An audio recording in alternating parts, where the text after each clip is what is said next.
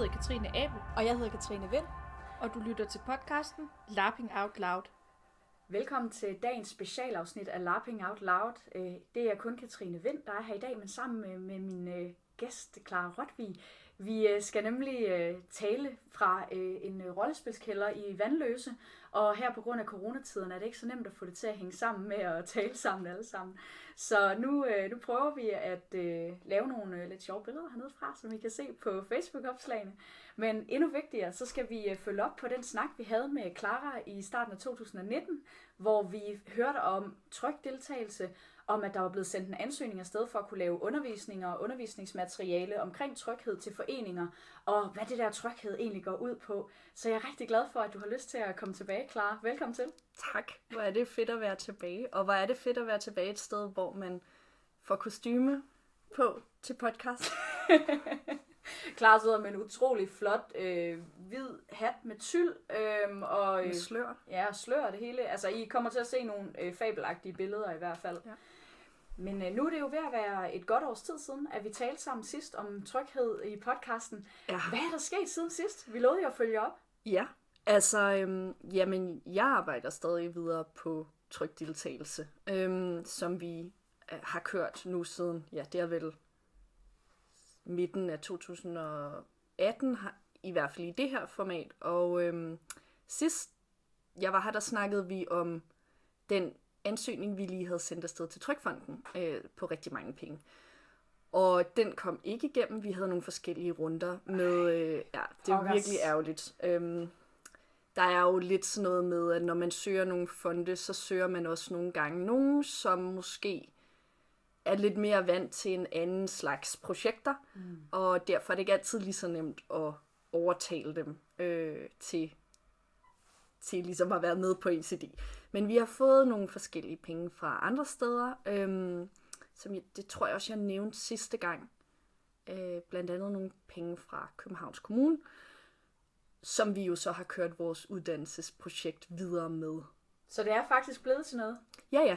Altså, vi, øh, vi kører det på en lidt anden måde, men rigtig mange af de ting, vi har øh, vi sat ud for at gøre, er ud, altså sat, sat os for at gøre i starten, øh, og, og i det her projekt med trykdeltagelse, det er på sådan en eller anden måde blevet, ja, eller det er sådan blevet raffineret på en anden måde, med nogle lidt andre vinkler. Øhm, og så har vi simpelthen bare kørt på med at nå ud til at få lavet en masse kurser og undervisning, og øh, det er jo sådan lidt udfordret nu på grund af corona.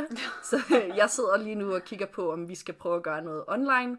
Det synes jeg personligt er ret svært, fordi rigtig meget af det, jeg laver, er nemlig, synes jeg, at at være ude i, i rummene sammen med folk. Altså, og, og, og også på en eller anden måde være med til at skabe den tryghed mellem dem og mig, og øh, som vi jo prøver at sige til folk, at de skal tage med sig ud i foreningerne, eller prøver i hvert fald at vise dem, at de kan tage med sig ud i foreningerne. Og det synes jeg er personligt ret svært at skulle gøre øh, online.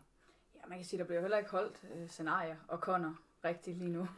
Men nu vil jo være et rigtig godt tidspunkt at begynde at arbejde især på øh, sin øh, foreningskultur. Altså, det kan man jo sige, ikke? Altså, fordi der er... Det, der bliver åbnet op først, det er jo netop de der sådan, små aktiviteter med brætspil og bordrollespil og sådan noget ude i foreningerne. Øh, og der er det jo oplagt, tænker jeg i hvert fald, at man kan begynde at tage fat i nogle af de her sådan måske ikke så konkret, sådan, hvad gør man lige med roller til sit scenarie, men mere sådan om, hvordan er vi sammen? Øh, hvad, hvad er det for nogle værdier, vi har i vores fællesskab og sådan noget, som jo så også øh, løber over i, når man så laver rollespil eller andre aktiviteter. Så hvad er det for nogle materialer, I har fået lavet indtil videre? Jamen lige nu, der arbejder jeg rigtig meget på at skrive ned, hvad er det, vi gør, når vi er nede ude og undervise. Altså sådan helt nede fra sådan, jamen, hvad er det for nogle øvelser, vi laver? Hvad er det for nogle eksempler, vi bruger, når vi viser dem eksempler på, altså, forskellige situationer, hvor at man kan arbejde med at sådan forbedre ens tryghedsarbejde. Så rigtig meget af det er netop ikke så meget, at jeg sidder og kloger mig, men at jeg bruger rigtig meget tid på at samle ind, hvad er der for noget viden derude i landet og i verden omkring tryghed, omkring foreningskultur, omkring rollespil, og så på en eller anden måde samle det, og udforme det, og dokumentere det. Mm. Øhm, så meget af mit arbejde er jo i virkeligheden, at jeg øh, arbejder med andre folks ekspertise, hvilket er enormt spændende. Og også gør, altså, og der er virkelig, virkelig meget derude. Ikke? Altså sådan, og der er også rigtig mange folk, der er uenige om, hvordan man gør de forskellige ting. Og det er jo også noget, man skal præsentere. Ikke? Altså sådan, og, og så sker der jo noget i forhold til, når, når jeg og mine kollegaer laver øh, vurdering af, hvad der skal siges, så er der også noget, der bliver valgt til og fra, det skal vi også være bevidste om, og sådan noget, ikke? Hvad er vores egne bias i forhold til, hvad vi synes, der er rigtigt og forkert og sådan noget. Men jeg prøver generelt at komme omkring så meget som muligt. Så rigtig meget af det, jeg gør lige nu, det er, især nu, hvor jeg ikke kan komme ud, øh, det er at sidde og skrive ned. Altså simpelthen skrive ned, hvad var det, vi snakkede om her, og hvorfor var det godt, mm. og skrive ned, hvis der er nogen af dem, som kommer og tager et kursus og siger, jamen nogle gange så har de virkelig gode eksempler på ting, der er sket ud hos dem, og så nogle gange så kan vi blive enige om, at vi kan bruge det som et eksempel. Ikke? Altså vi skal også passe på, man må ikke... Øh, altså det, hvis det handler om nogle andre, så skal man jo ikke bruge folk som eksempler, men situationer for eksempel, for eksempel ude i foreningslivet, ja. eller hvis der er nogen, der har været arrangør til noget og havde en eller anden konflikt, så kan vi godt bruge nogle gange i hvert fald, godt bruge det som eksempel på, hvordan noget kan håndteres, eller hvordan noget måske ikke skulle have været håndteret. Ja, uden at, uden at udstille nogen. Absolut, altså det er jo ikke, det er jo fuldstændig lige meget, altså i de fleste tilfælde, at det vi laver, hvem det er, der har sagt hvad og sådan noget, ikke? Men, øh, men hvad der bliver sagt, mm. og hvordan det bliver sagt og sådan noget, ikke? Altså der er jo, ja, det har så mange facetter, men generelt arbejder vi med, og også når vi holder kurser, eller når jeg holder kurser, så plejer jeg at sige til dem, der er deltagere, at de skal ikke nævne navne. Mm. Og de skal, øh, hvis de, når vi taler om eksempler fra deres egne oplevelser, så skal man for det første ikke nævne navne, men man skal også være opmærksom på, at de ting, man siger, ikke sådan kan identificere, hvem det er, man taler om. Fordi ofte så kan man jo, altså vi er rigtig mange, der kender rigtig mange af hinanden i det her sådan forholdsvis lille miljø. Og, øh, og det, er ikke, øh, det er ikke noget, sådan, vi lægger bord til i hvert fald. Altså, at man kommer og fortæller om, øh, hvem der er irriterende i ens øh, forening, og hvem der er nogle nederen deltagere og sådan noget, fordi det er slet ikke det, det handler om. Mm. Så vi har generelt en politik om, at sådan, man skal, så vidt det er muligt, øh, lade være med at fortælle, hvem det handler om. Ja. Øh, og hvor de, altså, at fortælle ting, der kan identificere dem.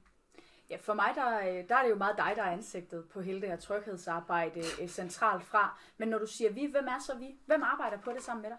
Jamen altså, jeg arbejder jo lige nu sammen med særligt med Anders Berner, som jo er øh, med til at være sådan en slags projektkoordinator øh, og tovholder øh, og sparringspartner for mig. Øh, og vi sådan laver det daglige arbejde. Men så er der jo alle dem, som er med ind over på forskellige måder. Der er dem, der deltager i kurser, der er dem, der kommer og holder dele af kurser. Der er også for eksempel nu her i oktober sidste år, 2019, der holdt jeg et øh, nok det længste kursus, jeg har holdt på Bifrost Level Up øh, weekend, hvilket var virkelig fedt, fordi der havde jeg et hold af, af trygheds sådan, kursister i, det ved jeg ikke, sådan noget, 8 timer i alt, ikke? altså hen over en weekend. Ja.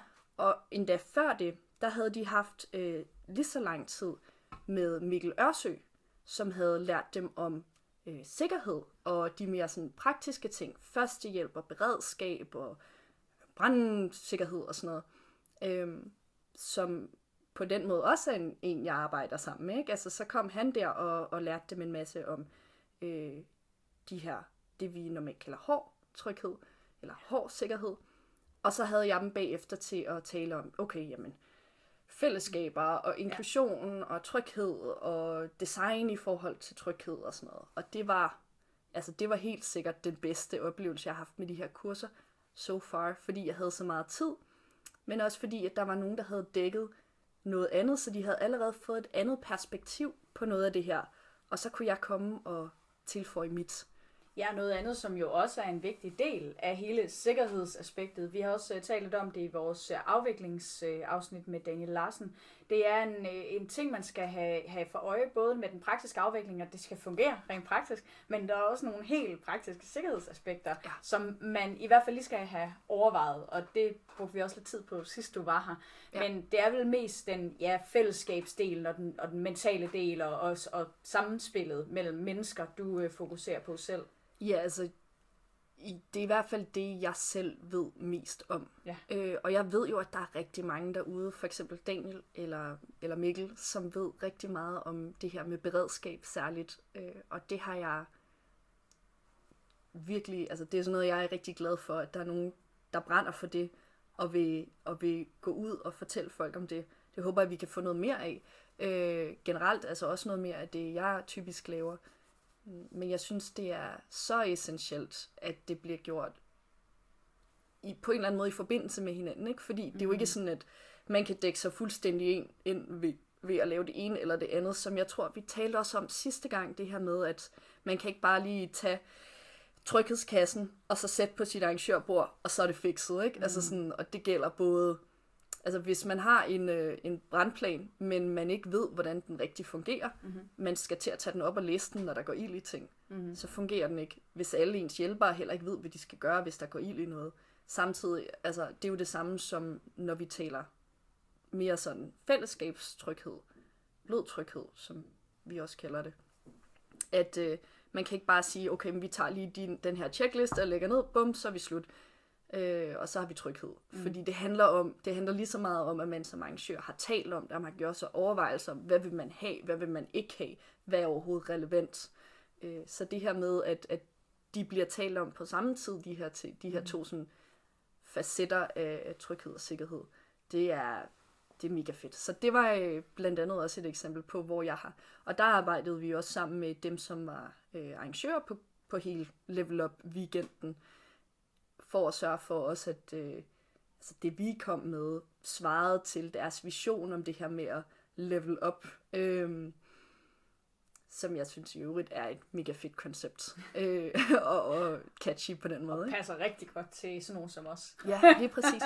Og det er jo også derfor, at når, man, øh, når vi kigger på, på tryghed, altså det var noget af det, der gik op for mig i hvert fald. Det her med, når, vi, når, når jeg går ud og snakker om tryghed, så vil jeg jo egentlig gerne have, at folk sidder bagefter med en følelse af at have et level up. Ikke? Altså sådan, at de kan noget mere, de føler sig kompetente i noget ja. mere, eller i hvert fald, så har de taget fat i noget, hvor det er approachable på en eller anden måde. Ikke? Altså.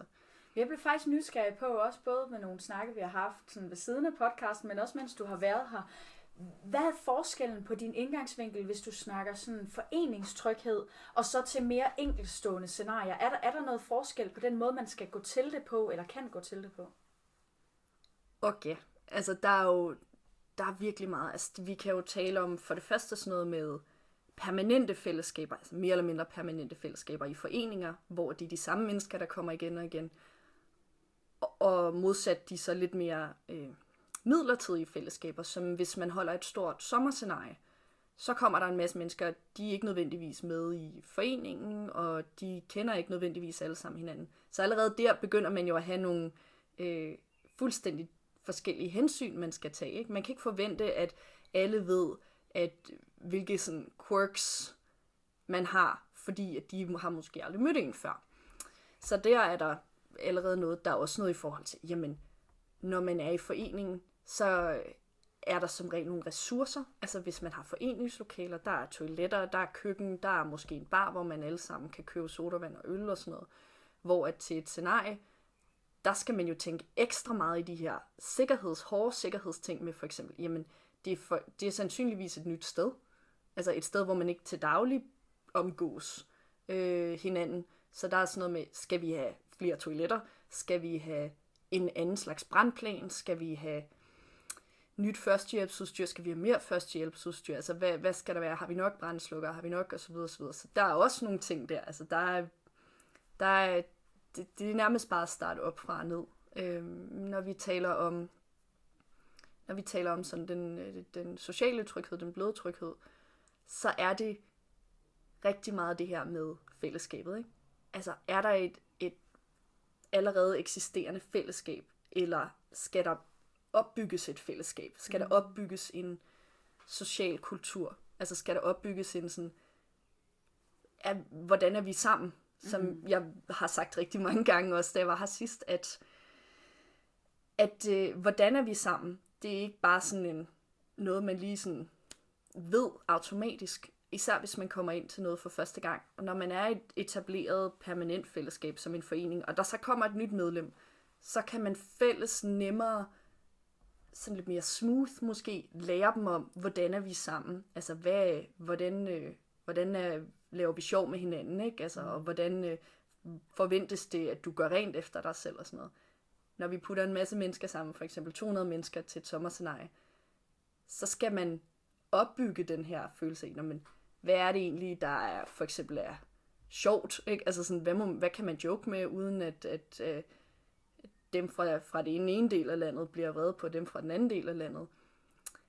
Og hvordan skal man gøre rent efter sig selv, og hvad er toiletkøkulturen og sådan noget, ikke? Altså sådan, der, er, der er alle mulige ting, og dem kan man ofte, øh, har jeg set i hvert fald, folk gør rigtig meget, at de sådan, jamen når man laver en åbningsbriefing, så, øh, så siger man, okay, jamen her, der skal man lige huske, at alle står selv for deres opvask, og sådan og sådan. Og det kan godt blive lidt praktisk, men der kan også, så derfor kan det også nogle gange være, men mm, glemmer lidt at snakke om de der ting, med sådan, jamen, hvad, hvordan er vi over for hinanden, ikke? For eksempel humor er en virkelig sådan lokal kulturel ting. Også bare sådan to foreninger i hver sin by kan have virkelig forskellige syn på, hvad der er sjovt, og hvad man må joke med, og, eller hvad man kan joke med på en måde, hvor alle synes, det er sjovt. Og når man putter folk sammen fra de to foreninger, så sker der nogle gange, så, så slår det gnister, og det kender vi jo nok alle sammen, ikke? Altså, og det er også okay nogle gange, så kan vi lære af det og sådan noget, men det er i hvert fald i min erfaring rigtig godt at lige gøre sig overvejelser om, oh, hvad er det lige, vi kan ende med her? Altså, kan vi ende med, at folk bare synes, hinanden er irriterende, eller kan vi ende med, at de rent faktisk bliver uvenner, og, ja. og det ødelægger deres oplevelse og sådan noget, ikke? Altså, det, det er der jo også eksempler på. Og til et sommerscenarie, der kan hård sikkerhed jo nærmest også være, øh, hvordan slås vi? Altså, Fuldstændig. Hvordan, altså, Hvordan det- sørger vi for, at nogen ikke brækker, øh, brækker en arm eller sådan noget, ikke? Altså, ja. ja, fuldstændig. Og det kan man jo også, altså, jeg ved ikke, hvor mange år krigslife har eksisteret, altså i hvert fald sådan noget 15 år eller sådan noget. At der kommer altid nogen hjem og siger, øh, dem derovre fra det der sted, de kan bare ikke finde ud af at slås. De slår alt for hårdt eller sådan noget, ikke? Eller sådan, de, de tæller ikke deres, deres KP. Og det vil jo altid være der. Mm. Men man kan måske minimere det, eller sådan. Man kan i hvert fald minimere det, Ja. er min erfaring, hvis man taler om det. Mm. Altså hvis man simpelthen siger, okay, prøv lige at høre, den måde vi tæller KP på, det er sådan her, sådan her, ja. og sådan tager fat i det, hvis nogen slår så hårdt, at folk får blå mærker på den dårlige måde, ikke? Altså ja. der er jo også nogle gange nogen, der synes, det er et succeskriterie. Øh, Ja, og altså min påstand i her er i hvert fald også, at jo større scenarierne er, jo sværere er det at designe den enkelte interaktion øh, i forhold til tryghed og den overordnede sådan linje. Fordi jeg sagde i hvert fald sjældent med, at til scenarier med 200 mennesker, at der bliver brugt særlig meget tid på den slags. Så det er også, altså der kan også være noget med, at hvis man laver den slags scenarier, er det tit fordi, man er i en, en kultur, hvor man gerne vil spille sådan og sådan, mens det måske er mere hardcore designet ofte, hvis det er mindre øh, scenarier, at der er et eller andet form for sammenfald, en korrelation. Altså det er ikke det, der er årsagen til, at man gør det mindre, men, men der er i hvert fald noget med, at det er sådan, der, altså man designer ikke lige så grundigt med den slags ting, er min opfattelse, øh, når det er et meget stort scenarie. Altså, jeg tror i hvert fald, der er jo også det her, den her faktor med, at forskellige foreninger har forskellig kultur i forhold til det her med, hvordan man tager fat i tryghed, om man tager fat i tryghed, mm. eller til hvilken grad. Og de her foreninger kan jeg i hvert fald tit se, at hvis de har meget forskellige indgang til, hvordan man håndterer tryghed, så har de sådan gennemsnitligt i hvert fald også øh, ret stor forskel på, hvilke aktiviteter de laver. Mm. Så ja, der er også noget med, at måske hvis der er en eller anden genre af rollespil, der har udviklet sig i en eller anden retning, så har man fået et syn på tryghed. Hvis der er noget, der har udviklet sig i en anden retning, så har man fået et andet syn på tryghed. Mm. Både fordi der har været brug for det, men også måske fordi, hvor det er henne i verden eller i landet, og hvem der lige har været involveret, og hvem der egentlig er målgruppen og sådan noget. Ikke? Så, så det, nogle gange så tror jeg, at der er, det måske godt kan være på grund af størrelsen. Jeg tror også det er helt sikkert, der er noget i forhold til, hvad det lige er endt med at udvikle sig mm. til, ikke? Altså, ved, Ja, og det der, der er nogle fælles bagvedliggende faktorer, der har gjort, at begge dele af det, man ligesom er gået i retningen af. Ja, det, og det, nu skal jeg jo heller ikke, jeg er jo ikke sådan en rollespils evolutionsekspert eller noget.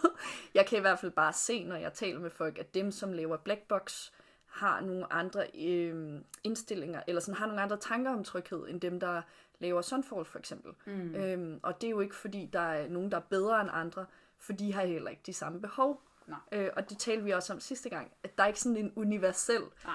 form, man kan putte sit rollespil ind i, og så er der tryghed. Altså det mm. findes bare ikke. Øh, men til gengæld, så er der nogle ting, nogle spørgsmål, man kan stille sig selv, og nogle, nogle ting, man ligesom skal have taget stilling til, Ja. For at vide, eller sådan for at kunne tage stilling til tryghed. Er der andet omkring øh, tryghedsdelen, du gerne vil ud med? Det tror jeg ikke umiddelbart, men der kommer nok noget løbende, tænker jeg. Mm. Øh, Jeg tænker også, der er nogle events i løbet af efteråret, vi skal have snakket om, og Ja. invitere dig tilbage til og Ja. høre omkring nogle planer. Det bliver så spændende. Ja, helt sikkert. Øh, Den anden grund til, at øh, jeg har inviteret dig ind i dag, det er jo også fordi, at øh, vi er i gang med en lille serie, hvor vi øh, har snakket om henholdsvis øh, planlægning øh, og afvikling, og vi vil også gerne tale om debriefing.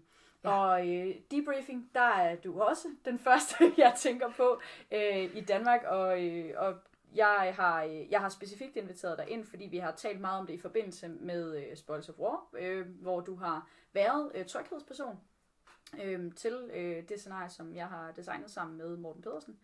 Og øh, det kommer du til at være igen, når vi kører det igen, Ja. hvilket er rigtig fedt, sammen med Linnea fra Sverige. Ja. Og øh, til det, der designede du en øh, specifik debriefing, og noget af det, som jeg i hvert fald øh, fokuserede meget på, det var, at jeg vil ikke være til stede. Jeg vil have, at spillerne skal kunne have et rum, hvor jeg som designer ikke er der. Øh, og man skal kunne i hvert fald sige nogle ting, som er lidt rare at sige, hvis designeren ikke er der. Det er jo ikke sikkert, at det er den måde, øh, man altid skal gøre det på, men øh, det har jeg en masse grunde til at synes. Og det var sådan mit oplæg til den. Så skal vi snakke om debriefing mere bredt. Og vi kan jo bruge øh, noget fra Spoils som eksempler, men egentlig så tænker jeg, at vi skal starte lidt mere bredt, fordi jeg vil gerne høre dig, hvordan man egentlig designer en debriefing. Og hvad er en debriefing? Ja, øh, der tror jeg, jeg bliver nødt til at starte med sådan en disclaimer, at, at jeg, der er rigtig mange følelser ude derude om debriefinger.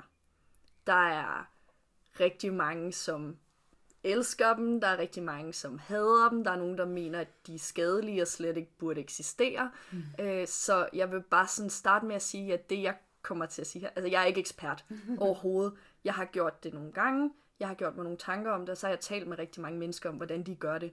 Og det er noget, jeg sådan løbende prøver at holde mig sådan, ja, opdateret om, hvad egentlig, altså hvad der bliver gjort, og hvordan det virker og sådan noget. Men jeg er altså overhovedet ikke debriefing-ekspert, og, og alt, hvad jeg siger, er ligesom mine egne oplevelser.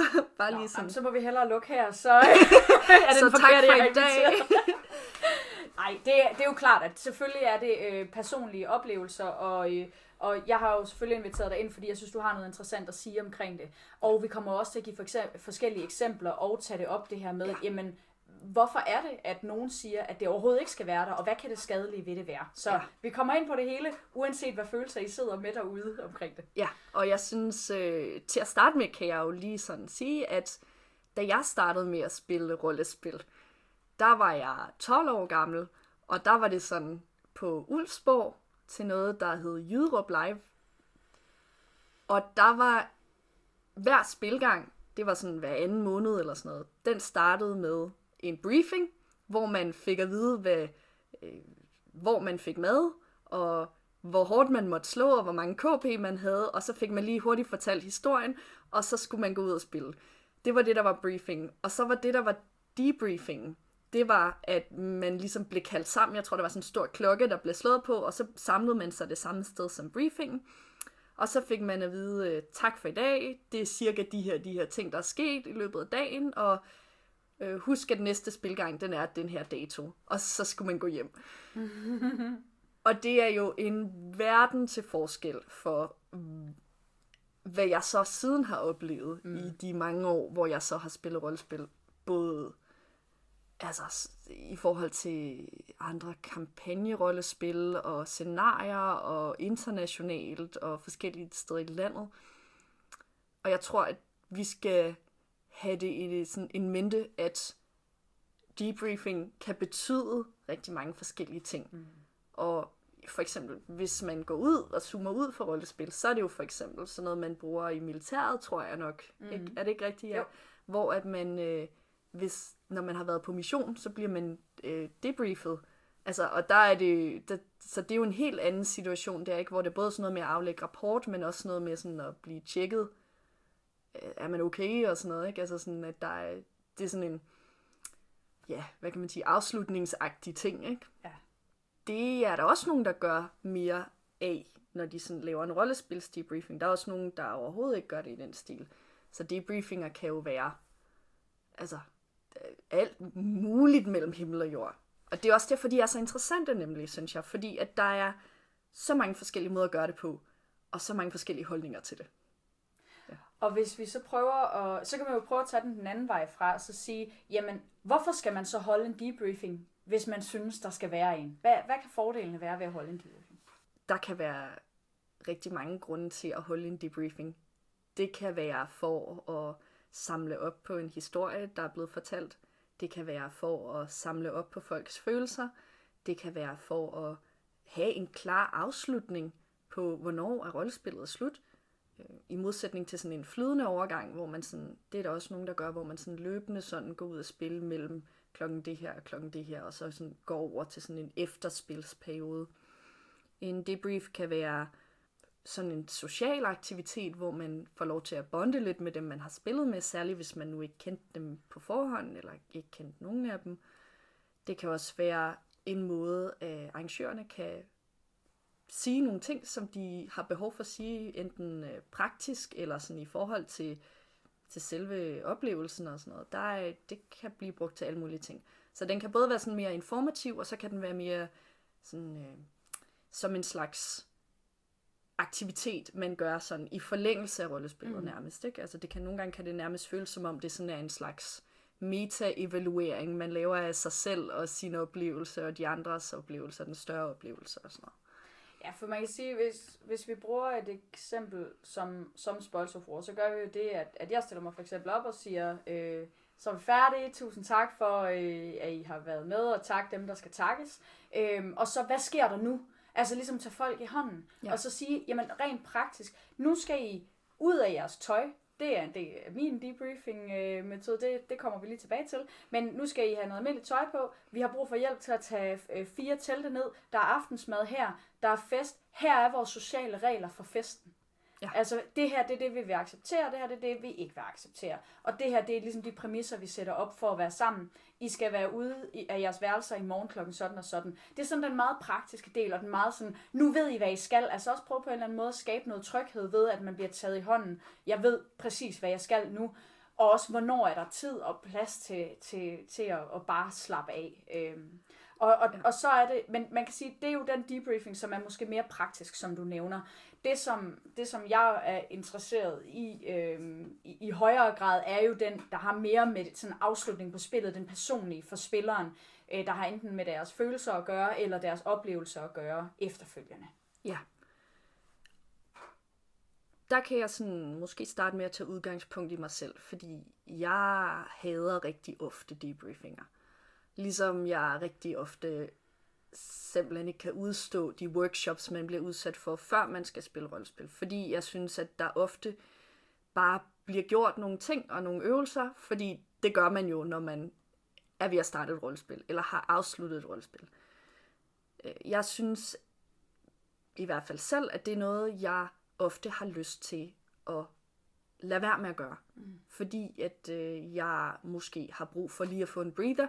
Jeg kan ofte godt lide bare sådan at gå og tage mit kostume af og tage et bad, tage mit normale tøj på, og så spise noget mad. Det er sådan min proces i hvert fald.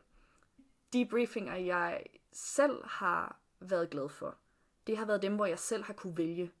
Altså, jeg selv har kunne vælge, om jeg vil være med, og til hvilken sådan grænse, jeg vil være med. Så frivillige debriefinger, check. Det er i hvert fald, synes jeg, the way to go. Fordi at der er... Øh, ellers så ender man ud i sådan noget, øh, synes jeg i hvert fald tit, det kan være svært ikke at ende ud i sådan noget folkeskolen, alle skal være med til at øh, spille rundbold i idræt, øh, også selvom de ikke har lyst, også selvom at de måske ikke føler, at det er noget, de kunne tænke sig, også selvom de føler, at det faktisk måske kunne være ubehageligt for dem. Øh, så, øh, og det, det prøver vi i hvert fald, synes jeg generelt, dig og mig, øh, Katrine, når vi har lavet, øh, når vi har arbejdet sammen om det her, har prøvet at undgå, altså vi har prøvet at sige, okay, jamen, vi giver folk et tilbud, og på den måde, der er det blevet mere en slags workshop. Ja. Det er blevet sådan en øh, efter rollespillet workshop, mm. hvor at det er det ikke nødvendigvis faktisk handler direkte om, hvad for en oplevelse har du haft ind i spillet, men det er sådan en måde, at man, hvis man har brug for det, kan få hjælp til den der fase, periode, der er mellem, at man stopper med at spille sin karakter, og man sådan er tilbage og er klar til efterfesten. Og, mm. og det er nogle gange super nemt, og det er nogle gange virkelig kan være sådan en udfordring. Og det er også forskelligt fra person til person. Nogle de har altid sygt nemt ved det, nogle har altid svært ved det. Og for nogen, der hjælper det så i den periode der, lige at have et sted, man kan gå hen og snakke med nogen, og der er nogen, der sådan lige guider en i en retning. Ja, for nogen, øh, for nogen der er det jo bare at tage et bad, eller ligge ned på en seng i en halv time alene, altså så er det det, man har brug for. Eller også har man brug for at komme direkte over og få en øl. Øh, men ja. altså, det, det er meget forskelligt, og, og det du siger med, at det skal være frivilligt, det er jo noget, som, jeg, altså, som vi er knusende enige om. Jeg kan godt lide det element personligt, øh, som egentlig ikke har så meget med det, vi ellers skal snakke om at gøre. Det her med at komme ud af kostymer, at folk skal gå ud af kostymer. Øhm, på en eller anden måde, så er det et, altså alt efter hvad det er for et scenarie, ikke? men det er i hvert fald en, en form for transition, jeg godt kan lide at lave, fordi andre så ikke ser dig lige så meget som den, du lige har været. Det samme med at lave navneskilte, hvor du, altså når du har navneskilte på undervejs, at du så også har navneskilte tilbage efter. Både så du kender folks altså pronouns, og så du kender deres navne. Og jeg, jeg sagde det her ordret i forrige afsnit, men det her med, at hvis du har haft en, altså, en, din livs store kærlighed i fire dage, og du faktisk ikke helt husker, hvad de hedder, off-game, ja. det, er sådan, det kan blive så akavet. Altså, øh, og, så det der med at hjælpe folk til at møde hinanden efterfølgende, det er i hvert fald noget, jeg tænker, man kan gøre, som er uden for det der, som nogen hader, nu laver jeg lige gåsøjne, det er nemlig super god øh, radio-podcast, øh, fordi man ikke kan se ja. hænder. Nå, men i hvert fald, at det her med en decideret debriefing, hvor man sidder og snakker om sine følelser, eller hvor man laver nogle øvelser eller sådan noget, det, det er der jo nogen, der stejler over. Men man kan jo godt lave nogle debriefing, som ligesom er som er påkrævet, men som ikke føles lige så meget som et aktivt debriefing, men, men det er nogle elementer, man designer alligevel.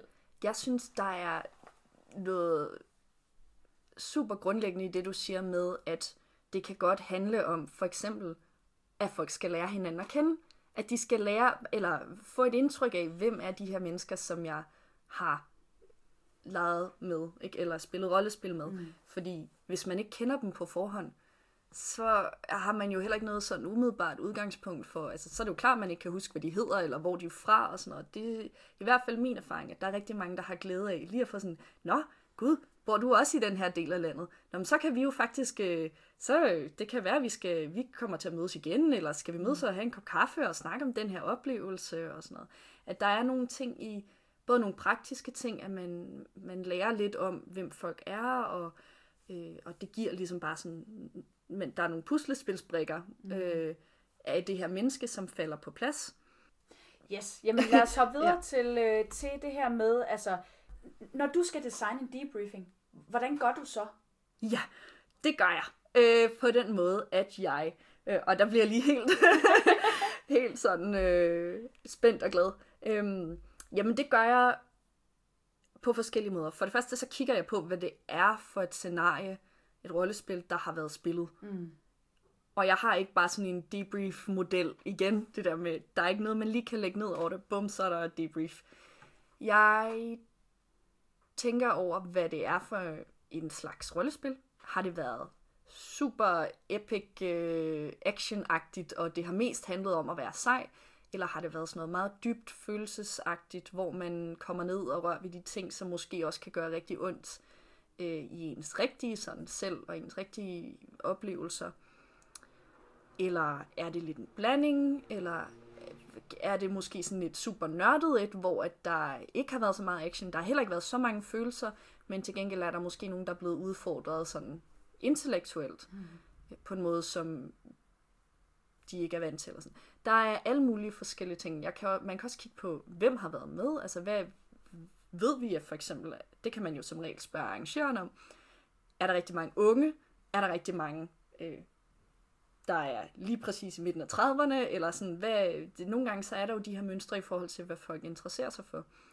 Det kan også betyde noget for, hvordan man skal designe. Er det for eksempel primært kvinder, primært mænd, eller sådan, er det generelt blandet? Kommer den her debrief til at ligge klokken 3 om eftermiddagen, eller klokken 10 om aftenen? Mm. Der er virkelig, altså, er der en efterfest, der går i gang samtidig, eller er det, er der en efterfest, som starter nogle timer senere? Altså, har folk fået mad for nylig? Der er alle mulige ting, man ligesom kan... Hvordan har starten været? Altså, hvordan har det været, før at de gik i gang med rollespillet? Har de haft sådan nogle øvelser, hvor de lærte hinanden at kende? Eller er de bare gået totalt sådan cold, cold open-agtigt ind på det, og, og kender ikke nødvendigvis hinanden overhovedet, ud over det, de har spillet sammen? Så det handler først og fremmest, tænker jeg, om at finde ud af, hvem du skal holde debrief for. Mm. Og så har det i hvert fald altid været en gavn for mig at prøve at få en fornemmelse af, hvad det er for et spil, der er blevet spillet. Mm-hmm. Hvad for nogle oplevelser har folk haft? Og tænker du, at det, er, er det så efter spillet, eller undervejs, eller hvad er det så, der... Altså, fordi det, kan man vide det før sådan noget?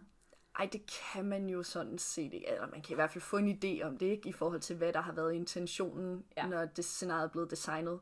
Men nogle gange så ved vi jo også, at det ikke altid er sådan, det bliver. Og som vi også talte om i sommer, da du holdt Spoils of War, der var jeg med til den anden, du afviklede to ja. gange scenarie, og jeg var med til den anden, og du talte om, Katrine, hvordan at de to afviklinger havde været forskellige. Ja. Det var noget forskelligt slags spil, det var en, det var en, en stemning og sådan noget, og, og det betyder jo også, at den debriefing, jeg afholdt til nummer to øh, afvikling, den ikke nødvendigvis ville have givet mening til den første. Nej. Og jeg kunne, i, i det, at jeg var der undervejs, jeg holdt øje, jeg var i starten og så lidt med under workshops, og hvad der blev snakket om, og så gik jeg lidt rundt i spillet undervejs nogle gange, når jeg ikke lige sad inde i mit, øh, min tryghedshule. Mm-hmm. Og, og på den måde fik lidt et indtryk af, jamen, hvad er det for nogle oplevelser? Og selvfølgelig også efter at have talt med dig og læst om materialet og sådan noget. Jeg havde lavet en podcast, hvor jeg havde indtalt noget af det her materiale, hvilket også og det er en helt anden historie. Det er vildt fedt. Øh. tak. Men jeg havde fået en, et indtryk af, hvad det var, og jeg var startet ud med nogle øvelser, som på mit papir i starten, før jeg kom afsted, som jeg endte med ikke at lave, og der var nogen, jeg lige smed ind sådan, mm. øh, inden at øh, jeg skulle lave debriefing-workshoppen. Fordi jeg lige tænkte, hov, det, jeg fik lige en idé her, skal vi ikke prøve det her? Og sådan. Så, så du har på en eller anden måde en katalog over nogle idéer, sådan at så kan jeg hive det her ind. Ja, og det meste af det er jo noget, der er lavet, som jeg har oplevet ja. ude blandt andre arrangører, andre workshopholdere og debriefing mennesker, som og læst om. Der er jo rigtig mange, der skriver om de her ting. Ja. Især på det sådan internationale, øh, eller i det internationale miljø, er der rigtig mange, der skriver om deres oplevelser med debriefinger, og deres sådan, teorier om, hvad der virker, og mm-hmm. hvorfor det virker, eller hvorfor det ikke virker. Så det, jeg har, er jo sådan en, en, en generel viden af at have, have nørdet lidt i det, og så kan jeg altså i mit fejlbarlige selv jo øh, vurdere, hvad jeg tænker, at de mennesker, jeg skal holde debriefing, har brug mhm. for. Mm. Og øh, nogle gange, så, øh, falder det helt til jorden, og så kan jeg se, at det giver slet ikke nogen mening at lave den her øvelse. Mm. Og så står man lidt der og føler sådan, okay, okay, nu bliver det bare akavet, ikke? Alle synes, det er akavet. Og nogle gange, så virker det bare perfekt. Og sådan kommer det jo også til at være i forhold til alt muligt andet, ikke? Altså Absolut. spilteknikker og workshops og sådan noget.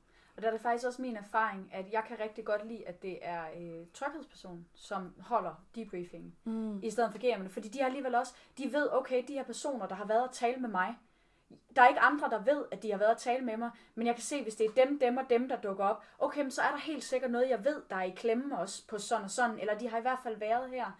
Øh, og det ser man altså ikke nødvendigvis som arrangør, hvis man ikke er den primære sikkerhedsperson selv. Nej, og så er der jo også det element, du nævnte tidligere med, at da vi i hvert fald gjorde det, mm. der holdt jeg debriefingen, og der var du ikke til stede. Mm-hmm. Og jeg tror, vi havde sådan en måske 20 mennesker, der kom til den debriefing workshop. Ud af 50. Ud af 50. Så ja. det, var, det, var, det var ikke halvdelen, men det var en rigtig god gruppe, og det var netop det her med, at de selv fik lov til at vælge, og så de dukkede op, på, fordi de følte, de havde brug for det, eller i hvert fald lige ville give det et skud, mm-hmm. eller noget i den stil. Øh, og, og der var ikke nogen af arrangørerne, der var der, så det var bare, nu laver jeg gåsøjne, bare mig, som, men som jo ikke havde noget sådan investeret i, altså de kunne godt komme til den der workshop og sige, fuck noget lort, alt var lort, jeg hader det her scenarie. Mm.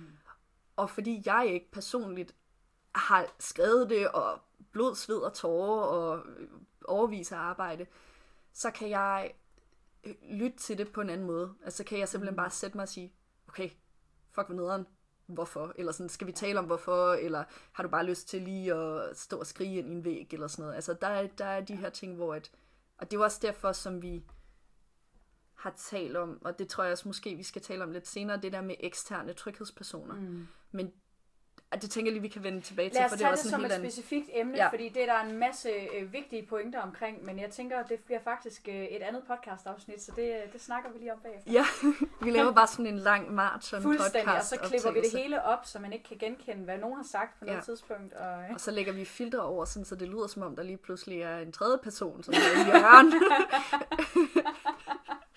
lige præcis. Jamen, der er nogle rigtig vigtige pointer til det her. Men lad os lige holde os på specifikt debrief. Ja. Grunden til, at vi snakker så meget om Spots of War lige nu, det er jo fordi, det er den, øh, den fælles oplevelse, vi har haft øh, mm. på, på, for nylig. Og, og vi har snakket rigtig meget om det. Så, så hvad gjorde du helt konkret med de 20 mennesker? Ja. Og, og jeg vil også sige, at vi bruger også det her som eksempel, fordi at vi i hvert fald efter, sådan, hvad vi selv vurderede, synes, at det gik ret godt øh, at, at der var positiv respons, og, og der var generelt sådan god stemning omkring det, både under øh, workshop og efter. Det er mest sådan, det jeg måske synes er mest væsentligt, eller noget af det, jeg synes er mest væsentligt omkring den workshop, jeg lavede til Spoils of War, det var ud fra nogle samtaler, Katrine og jeg har haft, om hvor irriterende det er, at man kommer til en debriefing, og så bliver der spurgt sådan, hvor ondt har du indeni? Mm. Fortæl mig om alle de der øh, frygtelige oplevelser, du havde, og hvor ondt det gjorde, og hvilke ting det triggede i dig, og fortæl mig om din barndom og sådan noget. Og det var vi begge to enige om, at det skulle vi ikke have. Mm.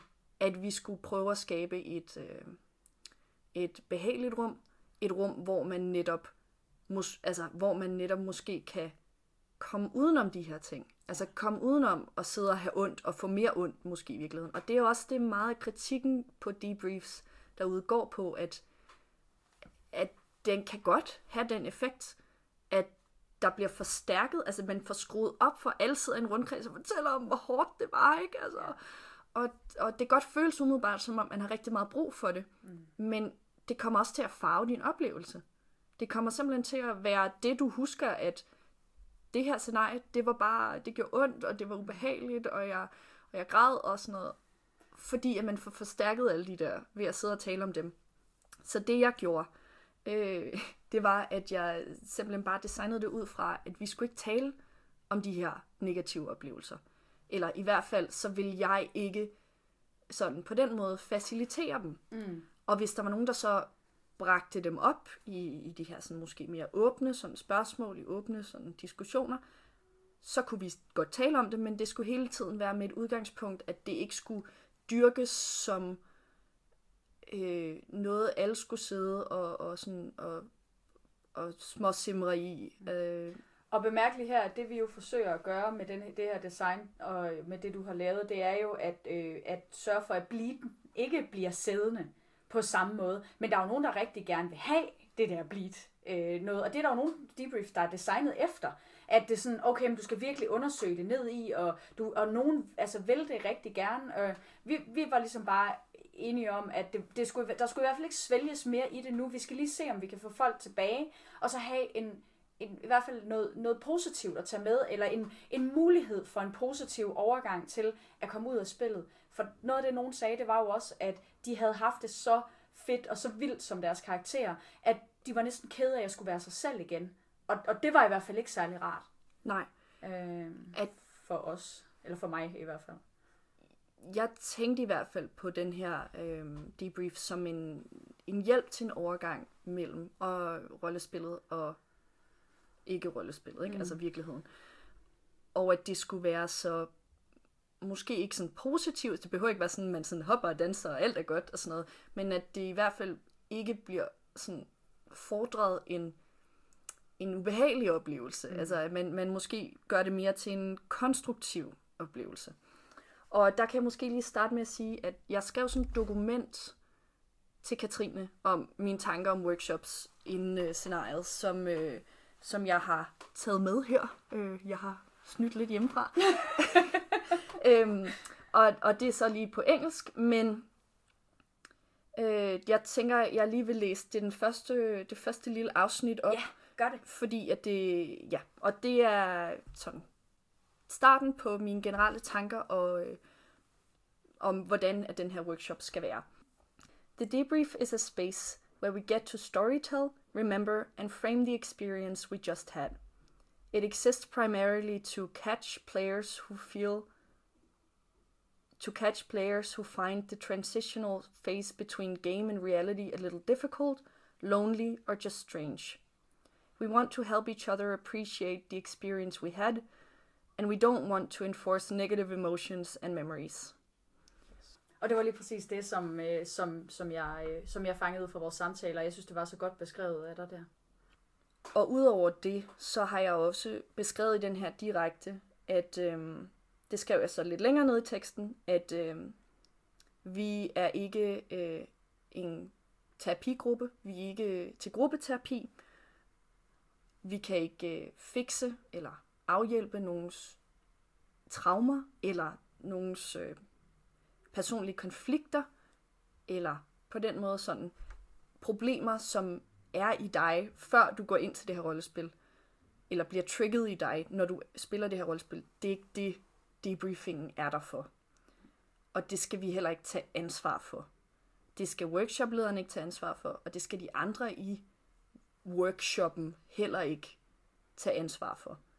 Så derfor er det i hvert fald i min optik vigtigt, at hvis nogen lige pludselig, eller hvis nogen begynder at tale om, hvordan at det har påvirket et traume, de har, og at de i virkeligheden faktisk har det skide dårligt, og at de er bange, eller at de er deprimerede, eller at, hvad ved jeg ikke, altså sådan, at der er ting i deres hverdag, som ikke fungerer.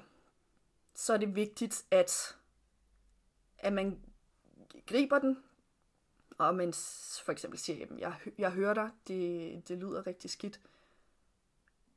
Og så kan man, ja, jeg vil i hvert fald nok tage den mulighed for så at sige, bagefter kan vi to lige snakke om, at jeg har nogle forslag til, hvor du kan søge hjælp bagefter, mm-hmm. men det her er ikke det rum. Og vi vil rigtig gerne øh, tage hånd om dig, hvis vi kan, men husk, at du skal have nogle professionelle til det. Det er ligesom, øh, det tror jeg også, jeg sagde sidste gang, vi lavede podcast, at du skal ikke tro, at du kan fikse et brækket ben, hvis ikke du er læge.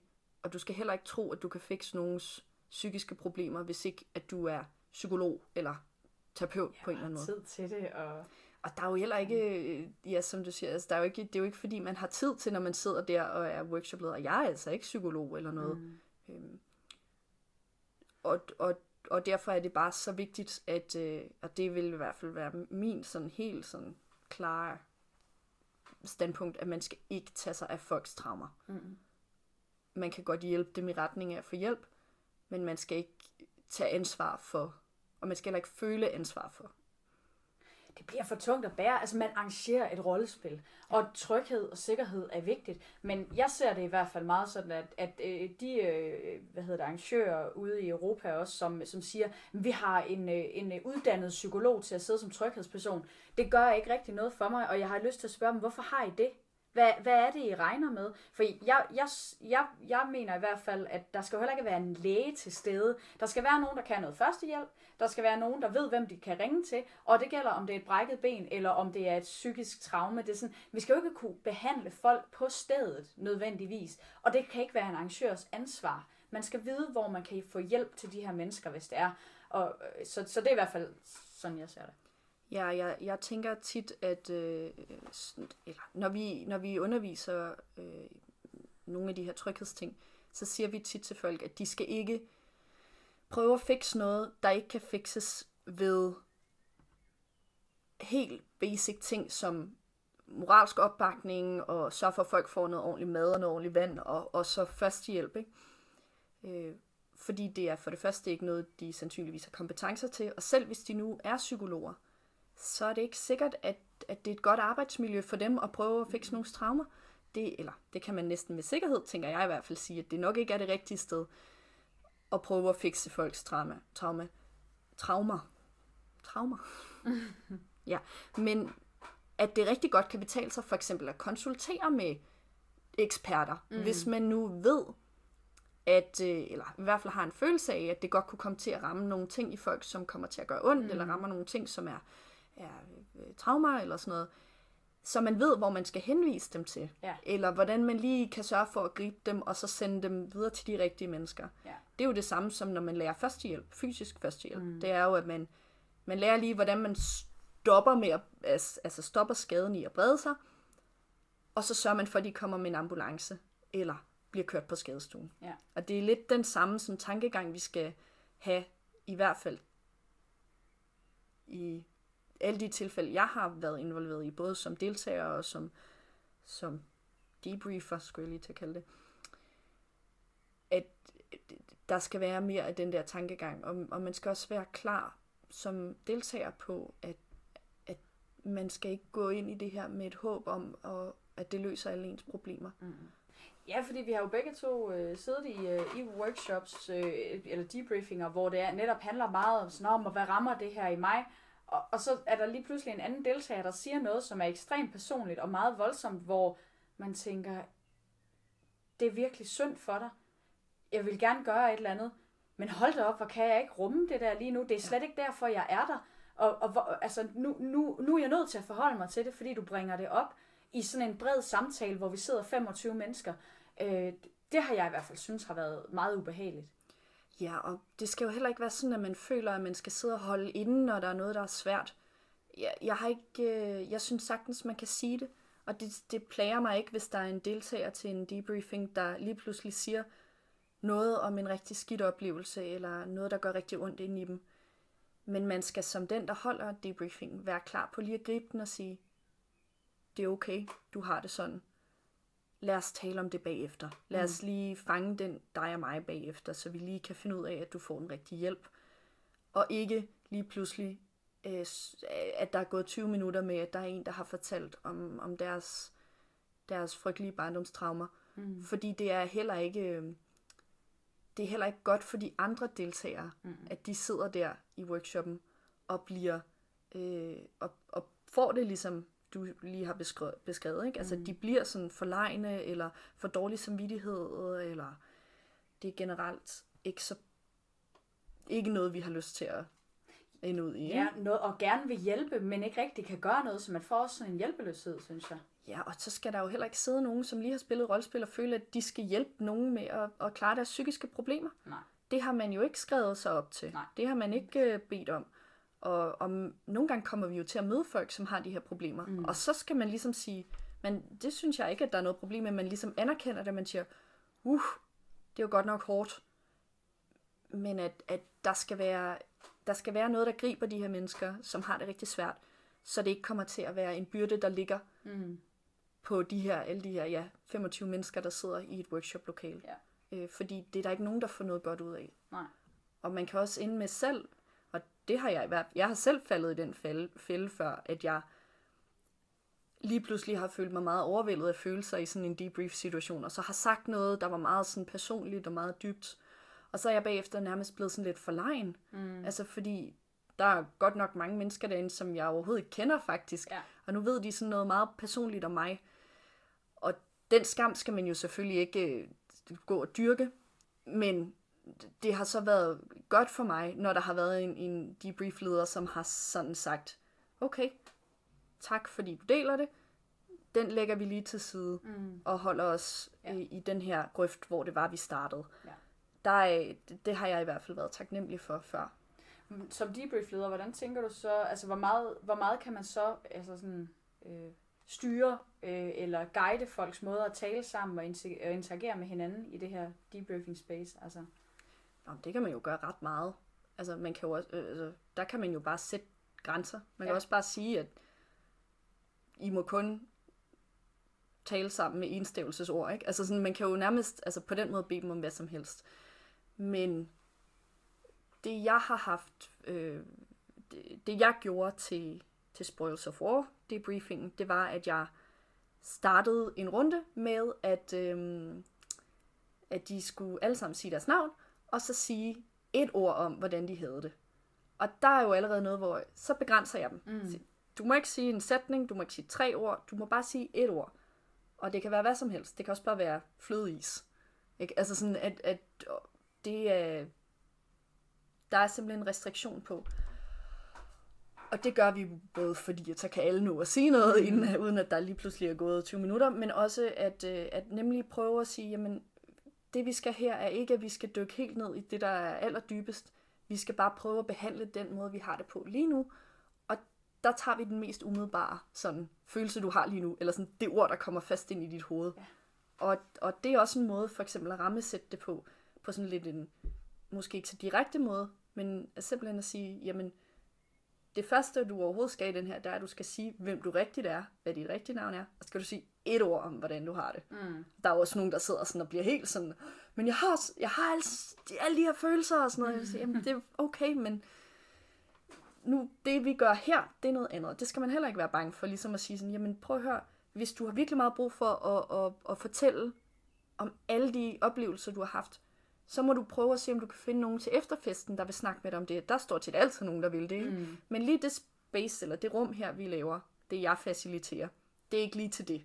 Det er til noget andet. Mm. Øhm, og det er jo også derfor, det er så vigtigt, at folk kan opte ud, eller folk kan Ja. vælge det fra. For hvis de ikke kan Gå det, undervejs, ikke? ja, de også kan gå undervejs ja. nemlig.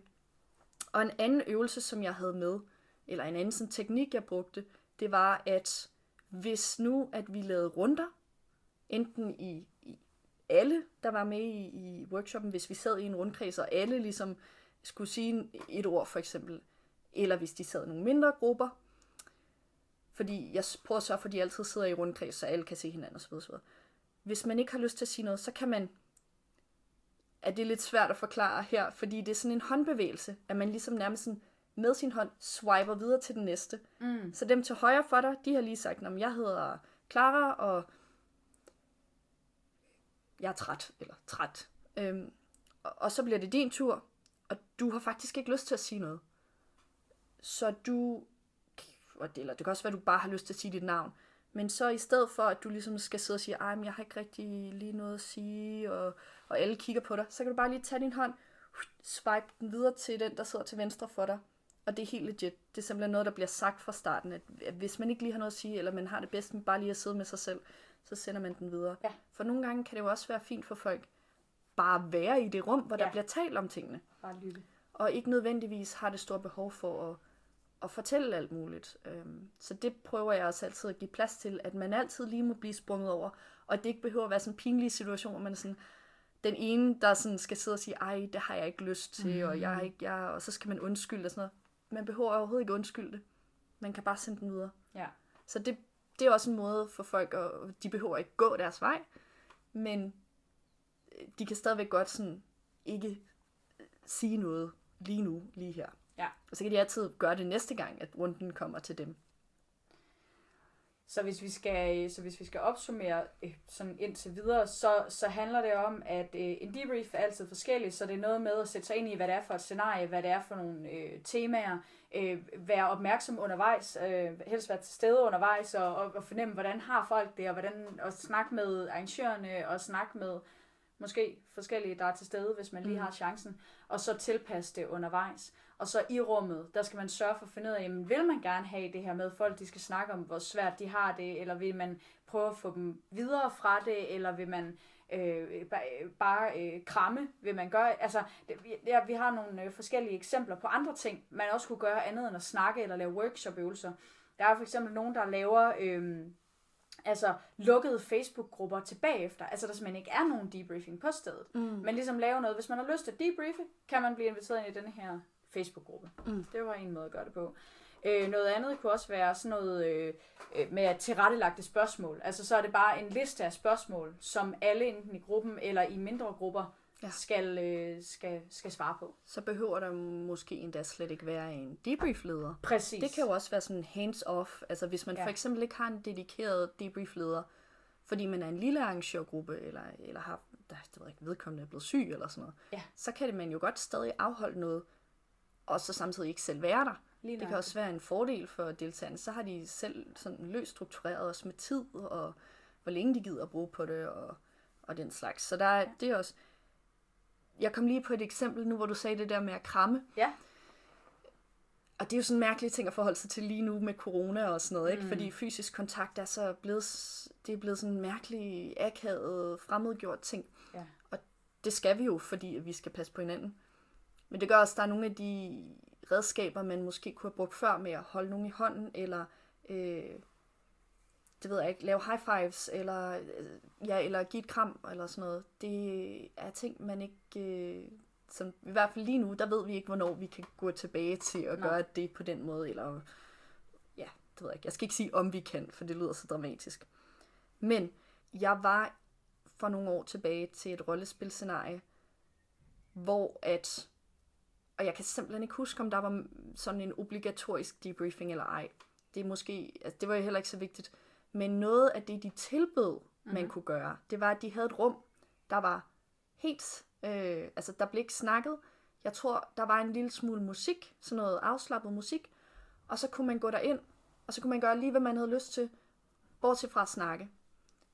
Og man kunne danse, eller man kunne strække, eller man kunne stå og svinge med armene, eller man kunne bare ligge ned og stige op i loftet, eller man kunne sidde og stige nogen dybt ind i øjnene.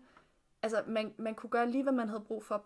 Det var bare ikke verbalt. Mm. Det var sygt fedt for mig i hvert fald. Ja. For jeg havde sådan en overload af indtryk og, og samtaler og interaktioner. Så jeg gik derind, og så først så lagde jeg mig bare ned. Og så bagefter, så strak jeg lidt ud i mine arme, og det var dejligt og sådan noget. Ikke? Og så, da jeg havde været derinde i sådan 45 minutter, så gik jeg ud igen. Sådan lidt opladt. Altså Ja. sådan, jeg havde, som om jeg havde ladt mig selv lidt op. Og det er jo det er faktisk også et andet, øh, et andet eksempel. øh, Det, det her med temaspecifikke åbne rum. Altså man laver nogle forskellige rum. Her må du det, og her må du bede, og her taler du for eksempel, og her må du overhovedet ikke tale. Her øh, øh, ka- kan man ligge i en bunke på gulvet og øh, kramme og, og nusse og sådan noget, hvis man har brug for det. Ja. Øhm, det så det der med spe, temaspecifikke rum, det, det er der mange, øh, mange fordele ved. Også fordi, at man netop tilbyder det der med forskellige Ja. elementer. For vi er jo alle sammen virkelig forskellige. Ja. Og, og så har vi også forskellige behov på forskellige tidspunkter. Præcis. Jeg tror, m- mine posi- mest positive oplevelser til sådan efter rollespilsaktiviteter, det er, når jeg får at vide, at jeg kan gøre lige, hvad der passer mig, men at der er nogle tilbud. Mm. Og nogle gange, så kan der være lige så meget øhm, velvære i at vælge noget fra, som at vælge noget til. Ja. Og, og det er nemlig, så kommer vi tilbage til det der med, når der er noget, om det er obligatorisk, eller om det er valgfrit. Ja. Og det kunne da godt være, at øh, jeg havde sprunget det over alligevel, selvom det var valgfrit. Ikke? Det, det er der jo altid. Mm. Altså, det har vi vel alle sammen gjort på et eller andet tidspunkt, fordi vi ikke lige havde lyst eller brug for det, eller ikke Ja. gad. Men så gør man det lidt med dårlig samvittighed. Mm. Og vi skal prøve, tænker jeg i hvert fald, ofte at eliminere den der dårlige samvittighed. Altså, der er ikke noget, der hedder burde, når det handler om, om du har det godt eller ej. Selvfølgelig skal du have de praktiske oplysninger, men selv hvis du ikke får dem, så er det jo, så kan man jo måske hænge dem op på en opslagstavle Ja. eller sådan noget. Ikke? Altså sige, om det her er tiderne for, hvornår du skal, gå, du skal være ude af dit, øh, dit rum, og det her er tidspunktet for, hvornår at vi spiser morgenmad, og så videre, så videre. Ikke? Ja, og du kan have fået det, fået det tilsendt tidligere. Øh, Ja, og det for eksempel, ikke? ja. Ja, fordi hvis vi, hvis vi lige løber igennem de andre eksempler, vi også er kommet på her, øh, der er også lige det er nogle input fra Abel også, så vi skal Ja. bare lige have dem, øh, have dem med her. Det. Øh, men det er, at, øh, at alle får en, øh, en body, altså en, øh, en makker, øh, som ligesom er den person, og så har de faktisk et ansvar for at debriefe løbende med den her person efter scenariet. Øh, Og ofte der snakker man, øh, starter man allerede snakken som en del af den umiddelbare debrief on location, men at så, så skal man check op med hinanden, for eksempel en uge efter scenariet. Øh, og der kan selvfølgelig være forskellige øh, grad, grader af, hvor obligatorisk det er, øh, men, men det er i hvert fald et andet system, hvor det er ligesom, fordi så har du en person, du ved i hvert fald tager fat i dig, som Ja. minimum.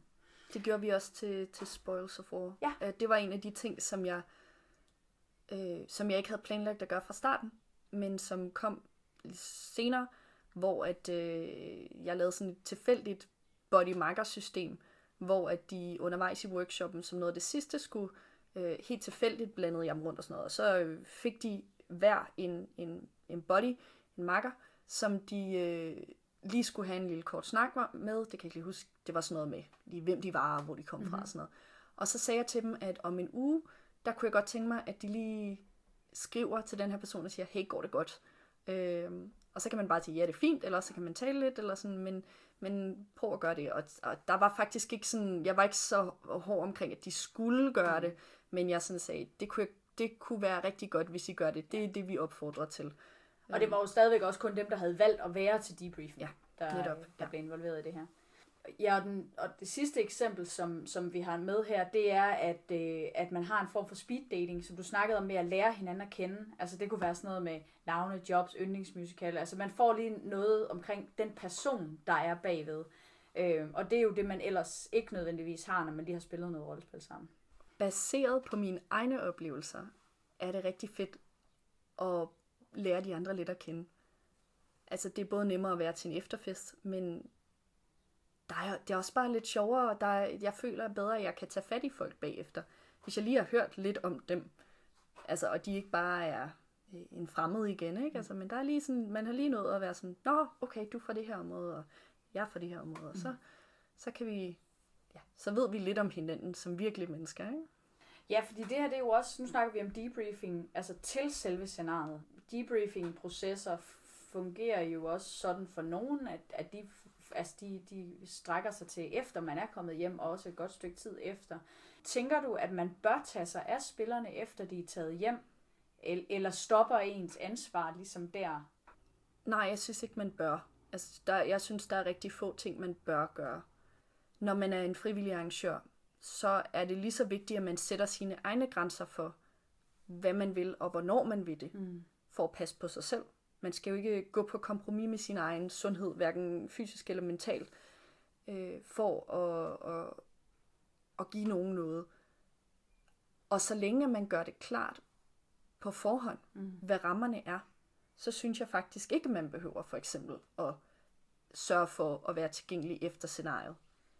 Jeg synes, det er som regel god stil, eller sådan, mm. at man i hvert fald ved, hvor, hvor man kan skrive en e-mail til, hvis man lige har et eller andet. Men jeg, jeg synes ikke, at man har sådan en pligt til at være tilgængelig hele tiden og sådan noget. For man er også et almindeligt menneske, som har lavet en oplevelse. Og, og hvis man på forhånd har sagt, jamen, I må godt kontakte os, øh, men vær sød at gøre det på den her mail, eller I må godt skrive til os øh, på Facebook, men kun i en uge, eller to uger, eller en måned efter. Og, hvis, og det skal jo i hvert fald ikke være det, der afholder en, ikke? Altså sådan, hvis man, åh nej, og så skal jeg også være tilgængelig et halvt år efter, og, og, og sådan noget. Det, altså, hvis man ligesom sætter sine egne rammer og siger, mm. vi er jo voksne mennesker, ikke? Hvis man Ja. siger, "Nå, men det er her, jeg er tilgængelig. Det er her, at, øh, at man kan nå mig så må altså ens deltager også lave den vurdering og sige, okay, men jeg ved, at, eller jeg kunne godt få brug for at, at have nogen at gå til.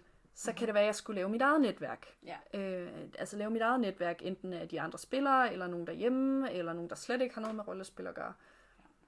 Og det vi aftalte med dig, det var jo, at du var ligesom tilgængelig i nogen grad for Ja. spillerne, øh, hvis de havde behov for lige at vende et eller andet i en uge Ja. efter scenariet. Ja. Og havde de noget fuldstændig uopsætteligt, de var nødt til at snakke med nogen, der var til stede om, øh, så måtte de skrive en mail til, til os som arrangører, og det ville vi gerne tage på os. Ja, Og, og det var ligesom en beslutning, øh, jeg lavede, som jeg var komfortabel med. Jeg sagde, jamen prøv at I må skrive til mig med alt inden for den første uge. Altså der må I så lige må skrive til mig på Facebook, I må også godt få mit telefonnummer, I må skrive til min e-mail. Men efter det, så, øh, så måske henvende jer til arrangørerne. Mm. Og det var jo sådan noget, I sagde, at det var i Ja. orden. Ikke? Og der synes jeg faktisk, at vi gav ret meget, altså sådan tid ja. efterfølgende, ja. øh, og ret mange rammer. Der var ikke nogen, der skrev til mig. Nej. efterfølgende. Jeg ved ikke, om der var nogen, der skrev til jer. Nej.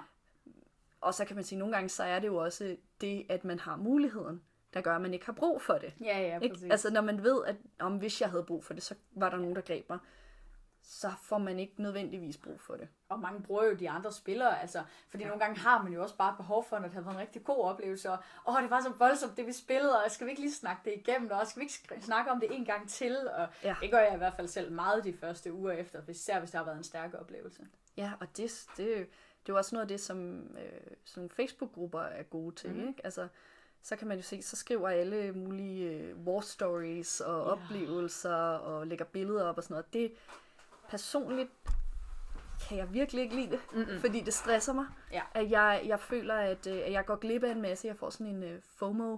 Øhm, jeg simpelthen, altså jeg føler, at jeg kan ikke følge med, fordi jeg skal tilbage på mit arbejde, og Ja. jeg skal hjem og vaske op, og vaske alt det tøj, jeg har, har på, og sådan noget, ikke? Altså, og så er der også nogle planter og en kat og sådan noget, ikke? Altså sådan, men for nogen, der er, det, der er det netop der, at de får opfyldt det behov Ja. med at vende deres oplevelse ja. og sådan noget. Så det er, det er helt sikkert også noget, jeg synes, man med fordel kan stille til rådighed i hvert fald.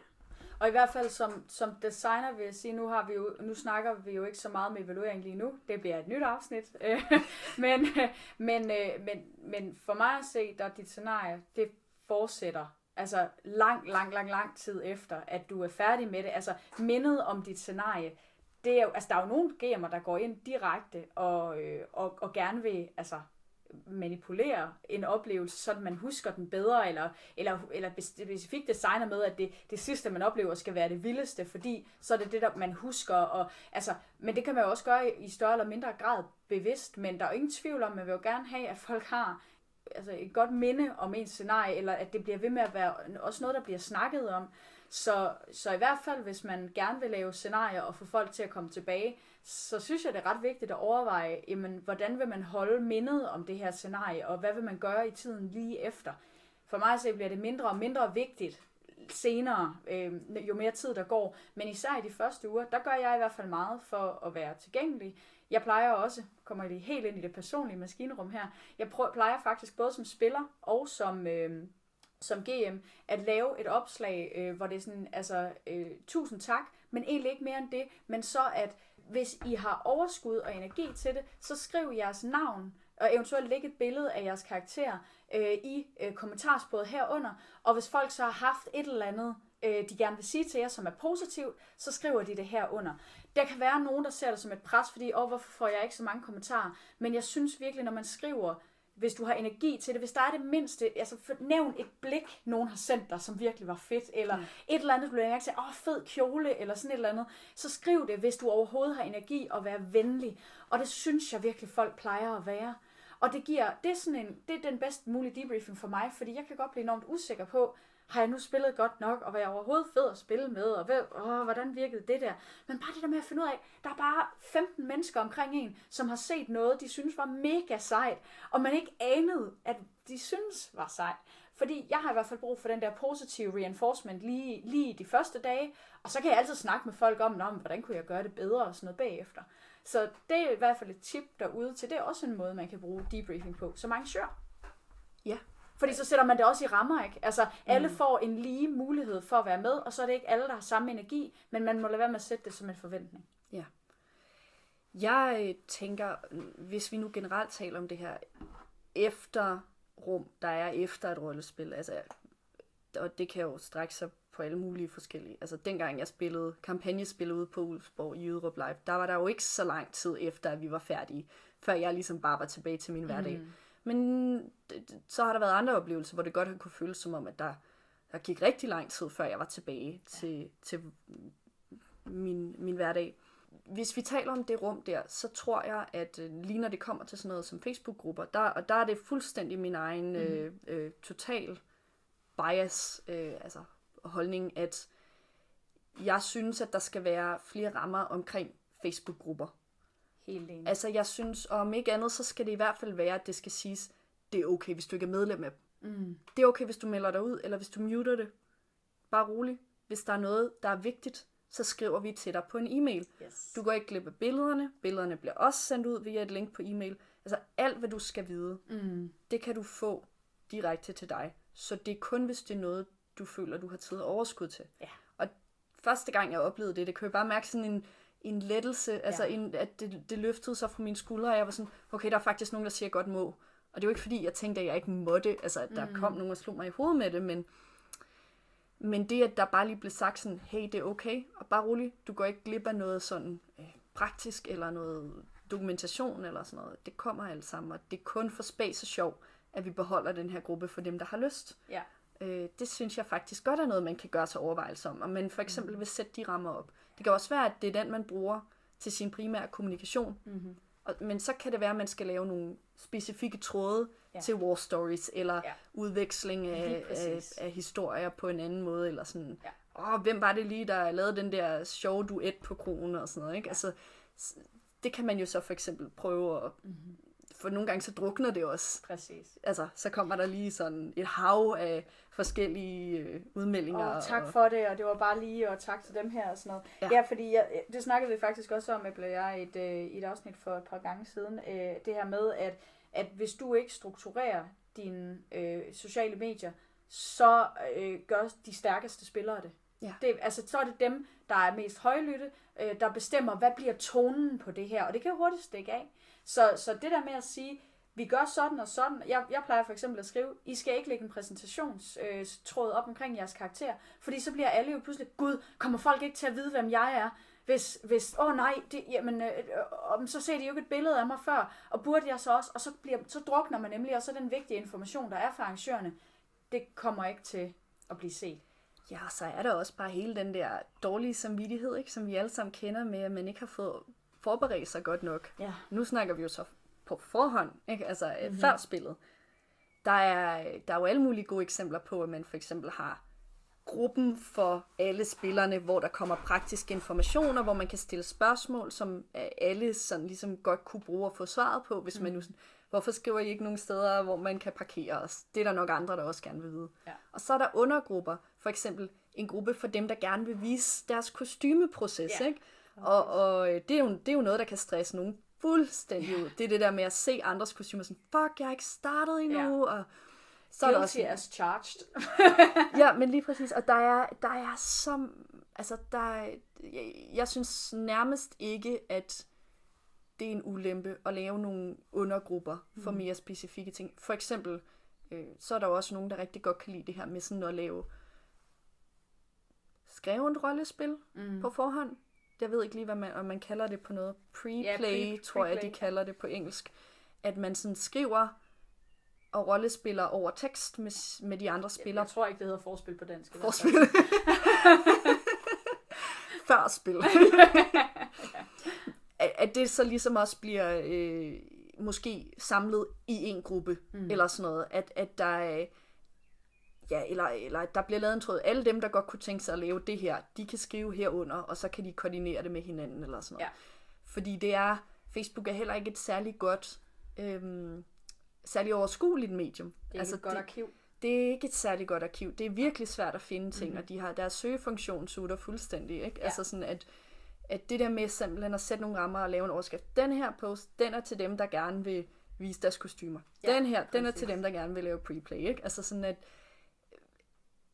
så slipper man også for, at der er fem tråde, der starter sådan en preplay-diskussion, ikke? Fordi at man ikke lige kunne se, at der var allerede nogen. Ikke? Nu hvor vi har snakket i øh, en time og 20 minutter, så, vil jeg lige, så vil jeg høre, om der er mere omkring det her med, med debriefing, du gerne vil øh, af med. jeg føler, jeg har snakket mig øh, nærmest sådan helt tør i munden. øh, jeg skal i hvert fald tisse. Så jeg, Vi har været ude i alle kroge. ja, så det kan godt være, det kan være, du lige skal klippe det. Det ved jeg ikke. Det synes jeg er Eller hvad. Det er meget natural. Fuldstændig.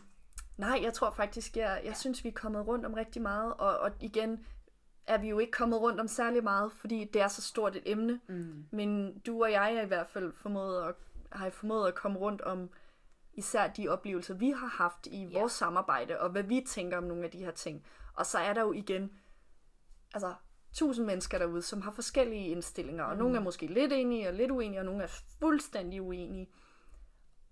Og det, det er her måske også lidt sådan et oplæg til, tænker jeg, Ja. at der bliver talt lidt om det derude. Altså, at man aktivt siger, at vi laver ikke bare den her øvelse, fordi det gør de til alle de andre scenarier, men mm. at man sætter sådan noget og siger, hvad er egentlig vores workshop-stil? Hvad er vores debrief-stil? Øhm, for sådan en har man jo, skal man, tænker jeg i hvert fald, er i hvert fald godt at have. Ja. Også selvom den er, jamen ikke noget. Men Ja. så er det også en stil. Ikke noget, det er Ja. 100 procent. Det er en Ja. meget sådan, det er en meget powerful stil, ikke? Altså sådan Præcis. faktisk. Jamen, det er altid en fornøjelse at have dig med i Laughing Out Loud, Clara, og jeg, øh, jeg tror, vi kunne snakke øh, fem timer endnu, hvis det skulle være omkring bare det her emne. Og jeg håber, at du vil komme igen igen i efteråret, når jeg ved, der er nogle flere spændende ting at snakke om. Ja, det, det glæder jeg mig til. Og så vil jeg bare lige, måske inden vi slutter, Ja. øh, gøre lidt reklame. Ej, jeg vil ikke kalde det reklame. Så vil jeg måske lige fortælle om, at man skal øh, huske, at sommerskolen, øh, årgerne kommer sommerskolen, forhåbentlig bliver afholdt i år i juli. Ja. Der skal Katrine blandt andet være underviser. yes. Og det plejer at være super fedt, super spændende. Øh, der kommer folk i alle aldersgrupper og lærer om øh, rollespilsdesign. Øh, og det er jo alt fra, hvordan sætter man bedst et øh, markhus op, til hvordan håndterer man tryghed, og hvordan designer man sine karakterprocesser. Jeg snakker om vision og øh, castingprocesser i øh, mine fag, så kom kom, det bliver rigtig godt, og Clara, hun er teaset, at hun nok kommer til at være der. I en eller anden, øh, i et eller andet format i hvert fald. Så kom og snak med os om tryghed også. Ja. Det kunne være mega fedt. Det er også en dejlig øh, forum, hvor man kan tale om alt muligt, alt hvad der lige øh, kommer ind, altså hvad, der, hvad man har på hjertet, og hvad der kommer til en undervejs. Øh, det er et rigtig godt diskussionsforum at møde nogle øh, andre. Og lurer mig, om vi ikke lige skal sætte et lille podcast-afsnit op derfra. Ah, det kunne være så fint. Og så udover det, så har jeg en personlig reklame. Det er mere reklame. Jamen, du kører bare. Og det er fordi, at øh, forhåbentlig bliver der til efteråret øh, afholdt forum. Yes. Forum 2020. Bedre end nogensinde. Øh, og vi, øh, vi er tre arrangører, som øh, knokler af for at finde ud af, hvordan at man afholder øh, coronaforum øh, på en ansvarlig og fornuftig måde. Og, den, øh, og det kan man selvfølgelig følge med i på vores Facebook-side. Og så regner vi også med at få en Instagram op at køre snart, som skal være fuld af grineren memes. Øh, det er visionen i hvert fald. Så det vil jeg også gerne lige anbefale, at man holder øje med. Øh, for vi håber selvfølgelig, at øh, så vidt det er muligt, at vi får en masse mennesker samlet på forum på en eller anden måde. Vi glæder os til at se jer til en masse rollespilsevents derude, og øh, selvfølgelig ses vi på forum alle sammen. Ha' det godt, og tusind tak, fordi I lyttede med til Lapping Out Loud. Find os på Facebook og lad os vide, hvis der er et emne, du gerne vil have, vi tager op, eller en gæst, du gerne vil høre fra. Det var alt for denne gang. Du lyttede til Lapping Out Loud. Mit navn er Katrine Abel. Og jeg hedder Katrine Vind. Tak fordi du lyttede med.